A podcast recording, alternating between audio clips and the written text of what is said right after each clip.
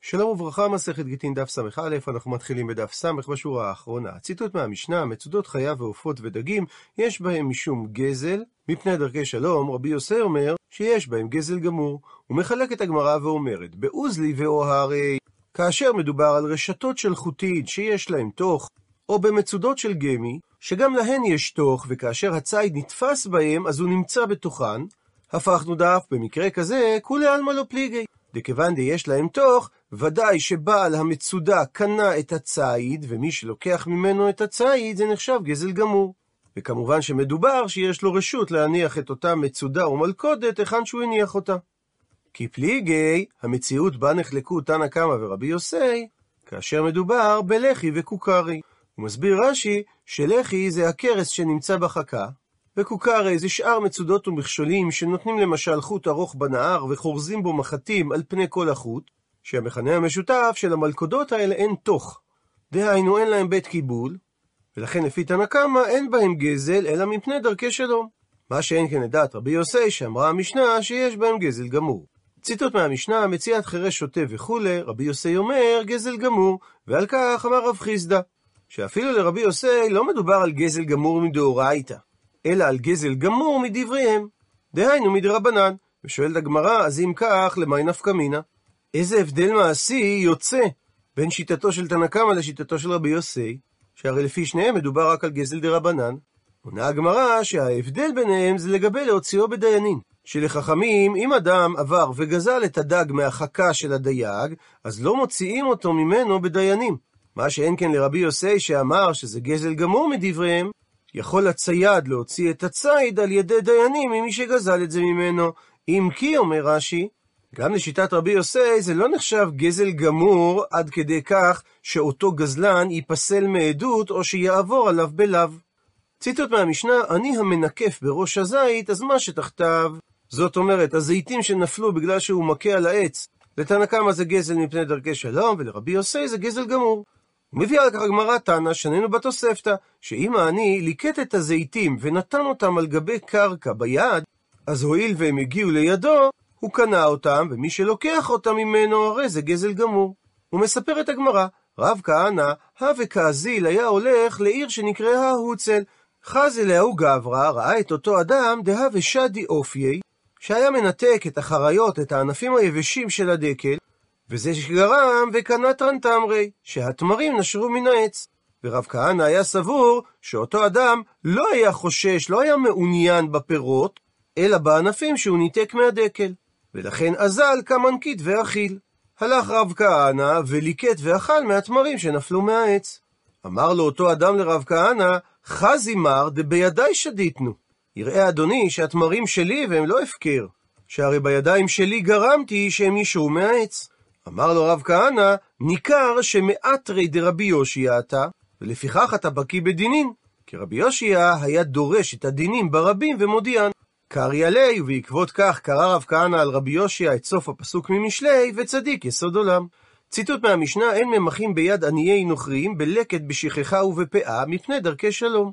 ומביאה הגמרא תנו רבנן, שנו רבותינו בתוספתא הרחבה של העניין הזה, מפרנסים עניי נוכרים עם עניי ישראל, ומבקרים חולי נוכרים עם חולי ישראל, וקוברים מתי נחרים עם מתי ישראל, אבל אין הכוונה שקוברים אותם בקברי ישראל, אלא הכוונה שמתעסקים בהם עם מצאום הרוגים יחד עם הרוגי ישראל. וכל זה מפני דרכי שלום. ואומרת המשנה, משאלת אישה לחברתה החשודה לשביעית, זאת אומרת שחוששים שהיא שומרת פירות שביעית ומצניעה אותם, גם לאחר הזמן שצריך היה לבאר את הפירות הללו. ובכל זאת היא יכולה להשאיל לה נפה וקברה וריחיים ותנור. כי ניתן לומר שהיא צריכה אותם לשימוש המותר. את הנפה לספור במעות, את הקברה לכבור בה את החול, את הריחיים לטחון בהם סימנים, ואת התנור לייבש בו גנין של פשתן. אבל מסייגת המשנה, לא תבור ולא תטחן עמה. לא תעזור לה לעשות פעולת ברירה או פעולת תחינה לסייעה, מפני שאסור לסייע בידיים ידי עוברי עבירה בשעת העבירה. אשת חבר, שזה כינוי לתלמיד חכם, משאלת לאשת תם הארץ נפה וקברה, ובוררת וטוחנת ומרקדת עמה. למרות שהיא חשודה על הפרשת מעשרות, אבל משתטיל את המים בעיסה, לא תיגע אשת החבר עמה, לפי שאין מחזיקין ידי עוברי עבירה. הוא מסביר רש"י, לפי שמשהרגע שהיא גלגלה את הקמח והמים, הוטבלה העיסה לחלה, ואז יוצא שהיא מטמאה מחמת הכלים הטמאים של אשת עם הארץ, וזו מסייעתה לגלגל את העיסה, ואסור לגרום טומאה לחלה. וכולם לא אמרו שהתירו להשאילם כלים ולסייעם בלא שעת עבירה עצמה, אלא מפני דרכי שלום. וממשיכה המשנה, ומחזיקין, דהיינו מסייעים ממש, את ידי הנוכרים העובדים בשדה בשביעית, אבל לא את ידי ישראל, ושואלים בשלומם של הנוכרים במשך כל הימים מפני דרכי שלום, ואף על פי שהוא מטיל על הנוכרי שם שמיים, שהרי המילה שלום היא שמו של הקדוש ברוך הוא. ושואלת הגמרא, מה ישנה רישא ומה ישנה סיפא? מדוע ברישא אמרה המשנה שאומנם מותר להשאיל למי שחשודה על השביעית כלים, אבל אסור לעשות איתם מלאכות באותם כלים, כי יש בדבר סיוע בידי עוברי עבירה, ומה זה שונה מהדין בסיפא, שהתירו לאשת החבר גם לברור ולטחון ולרקד, יחד עם אשת עם הארץ שחשודה שהיא עושה את זה עם תבל, הלא גם בכך יש סיוע ידי עוברי עבירה. מביא על כך הגמרא שתי תשובות. תשובה ראשונה אמר אביי, שרוב עמי הארץ מעשרימן, ולכן זה רק חשש דה רבנן שמדובר על פירות תבל, ומפני דרכי שלום מותר לסייע לאשת עם הארץ. מה שאין כן ברישא של המשנה, שם מדובר על אישה שחשודה על השביעית. ומשמע מלשון המשנה שלא מדובר על חשש דה רבנן, אלא שהיא מוחזקת כחשודה, ולכן חכמים לא התירו לסייע לה בידיים. רבא לעומת זאת אמר, שלעולם החשש שאשת עם הארץ מתעסקת בפירות תבל, זה חשש שקול כמחצה על מחצה.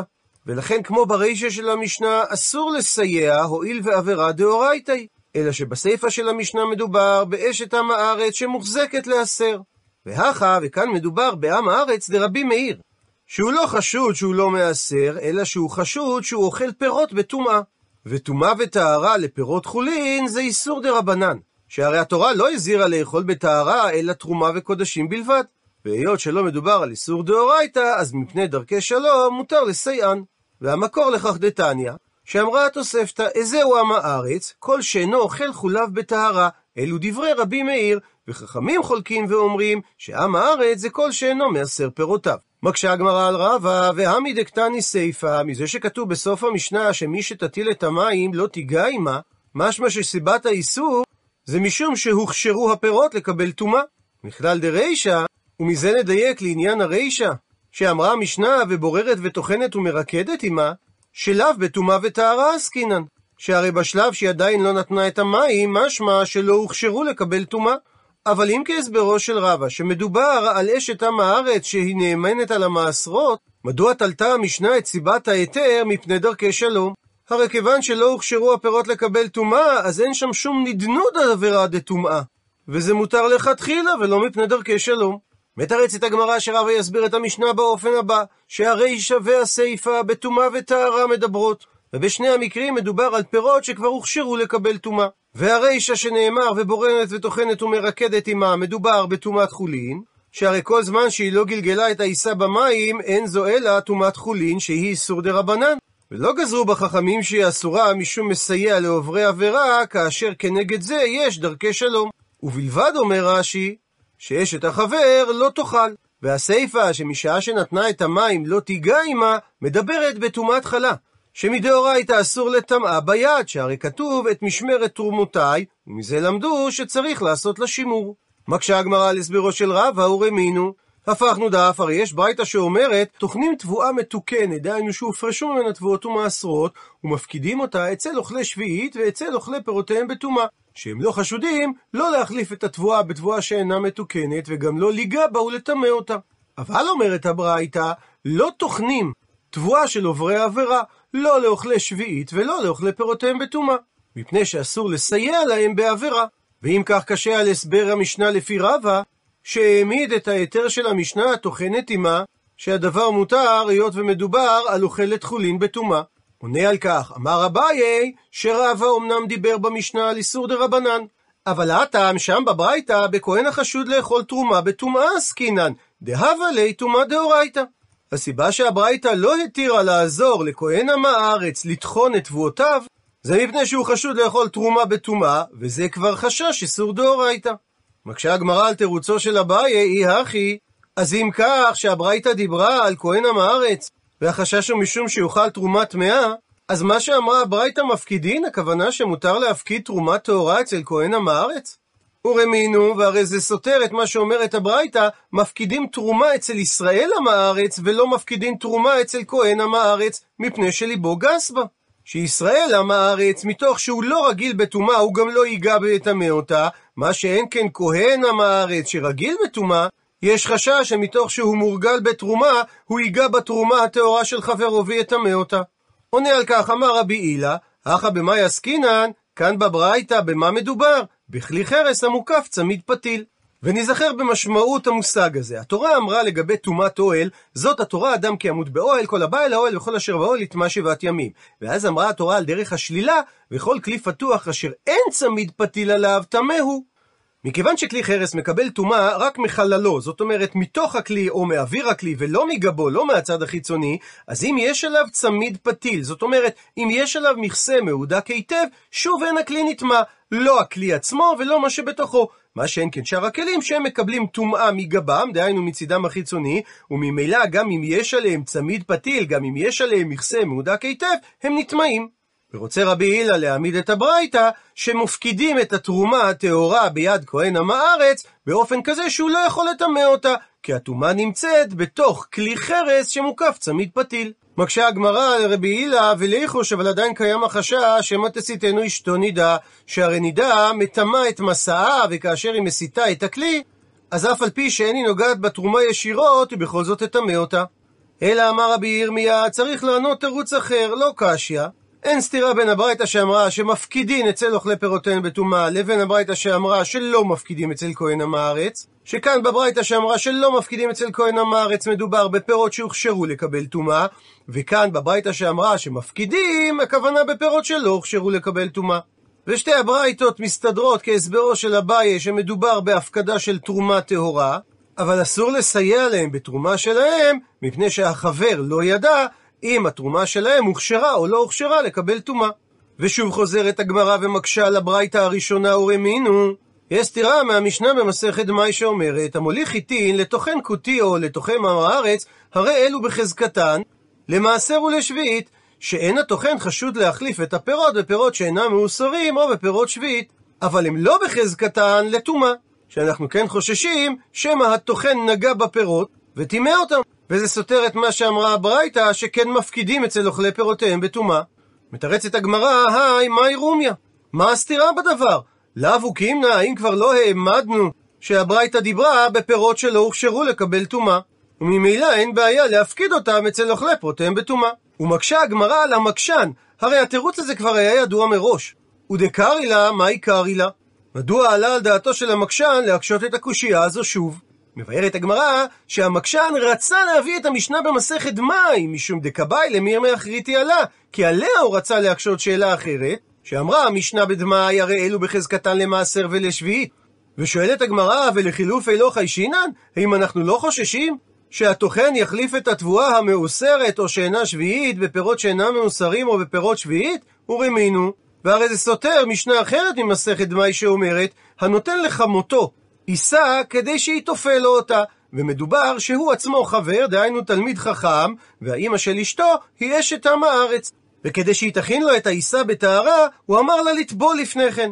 ואומרת המשנה שהוא מעשר את שהוא נותן לה ואת שהוא נוטל ממנה, והסיבה לדבר מפני שחשודה מחלפת את המתקלקל. שאם הלחם מהעיסה שלו יתקלקל, היא תיתן לו לחם יפה מהעיסה שלה. ולכן הוא חייב להסר את מה שהוא נותן לה, והוא לא יכול לסמוך על זה שהוא יאסר אחר כך, מפני שאם תחליפנו, נמצא שהוא מאכילה דבר שאינו מאוסר. וגם את שהוא נוטל ממנה הוא צריך להסר, שהרי אם החליפתו, נמצא שהוא אוכל דבר שאינו מאוסר. וזה סותר את דברי המשנה, שהמוליך איתי לטוחן כותי או לטוחן עם הארץ, הרי אלו בחזקתן למעשר. מתרצת הגמרא, הטעם שם במשנה לגבי הנותן לחמותו, הסיבה שהוא צריך להסר כדקטני תמה, כפי שהמשנה עצמה מבארת בהמשכה, שאמר רבי יהודה, רוצה היא החמות בתקנת ביתה ובושה בחתנה. יש לנו יסוד סביר להניח שהיא תחליף את העיסה דווקא מפני שהיא מתכוונת לטובת ביתה, שהיא רוצה שהחתן יאכל לחם טוב. חשש שאינו קיים אצל מי שמוליך חיטין לטוחן עם הארץ. ממשיכה הגמרא ומקשה, ולעלמא לא חיישינן? האם כאשר אין חשש שעם הארץ ירצה בטובתו של מי שהפקיד אצלו את התבואה, אז אנחנו לא חוששים להחלפת התבואה? והאתנן, והרי שנינו במשנה במסכת ביי, שהנותן לפונדקית מעשרת שהוא נותן לה ועת שהוא נוטל ממנה, והסיבה מפני שמחלפת. הוא מסביר רש"י שמדובר על תלמיד היושב לפני רבו, והוא מתאכסן אצל עם הארץ. והפונדקית, שהיא אשתו של עם הארץ, היא זאת שהופעה לו את עיסתו. ולמרות שהוא לא חתן שלה, עדיין קיים החשש שהיא תחליף לו את העיסה. מתרצת הגמרא שגם שם קיים חשש חיובי מדוע שהיא תחליף לו את העיסה, שהתם מוריה ואמרה, היא מורה לעצמה הוראת מצווה מדוע מותר לה להחליף את העיסה, שהיא אומרת לעצמה, בר בי רב לאכול חמימה ואנא איכול קרירה. יותר ראוי שהתלמיד חכם יאכל לחם חם וטרי, והיא תאכל מהלחם שאינו טרי. והקאטה, ועדיין מקשה הגמרא, האם לעלמא לא חיישינן? האם במקרים אחרים אנחנו לא חוששים שעם הארץ יחליף את התבואה? והתניא, והרי התוספתא במסכת טהרות אומרת, אשת חבר טוחנת עם אשת עם הארץ, אבל רק בזמן שהיא טמאה. וכיוון שבימי הטומאה היא אינה רגילה ליגע בטהרות, אנחנו לא חוששים שמא היא תיטול ותיתן לתוך פיה. אבל היא לא טוחנת עם אשת עם הארץ בזמן שהיא טהורה. שמא היא תיתן לתוך פיה בשוגג, מתבואת עם הארץ שייתכן שהיא לא מאוסרת. רבי שמעון בן אלעזר חולק ואומר שאף בזמן שהיא טמאה לא תטחון, והסיבה לדבר מפני שחברתה, הפכנו דף, נותנת לה ואוכלת. עד לכאן לשון המשנה, ומקשה הגמרא, השתא מגבן רבא, חילוף אלו מחלפה? אם אשת עם הארץ חשודה לגנוב משל בעלה וליתן לחברתה, אז האם לא נחשוד בה בחשד קל יותר, שהיא תחליף תבואה שהיא קיבלה בתבואה שלה? וממילא חוזרת השאלה מדוע אמרה המשנה שהמוליך חיטין לתוכם הארץ, הרי אלו בחזקתן למעשר.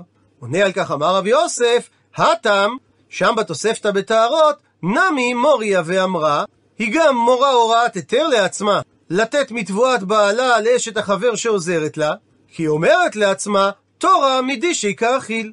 כאשר השור דש את התבואה, מותר לו לאכול ממנה, הרי נאמר מפורש בתורה, לא תחסום שור בדישו. אז על אותו משקל, היא מורה לעצמה היתר, שהיא יכולה להאכיל מתבואת בעלה לאשת החבר שעוזרת לה. אבל במקרה רגיל שעם הארץ לא מורה לעצמו היתר, אין חשש שהוא יחליף את התבואה. עד לכאן דף ס"א.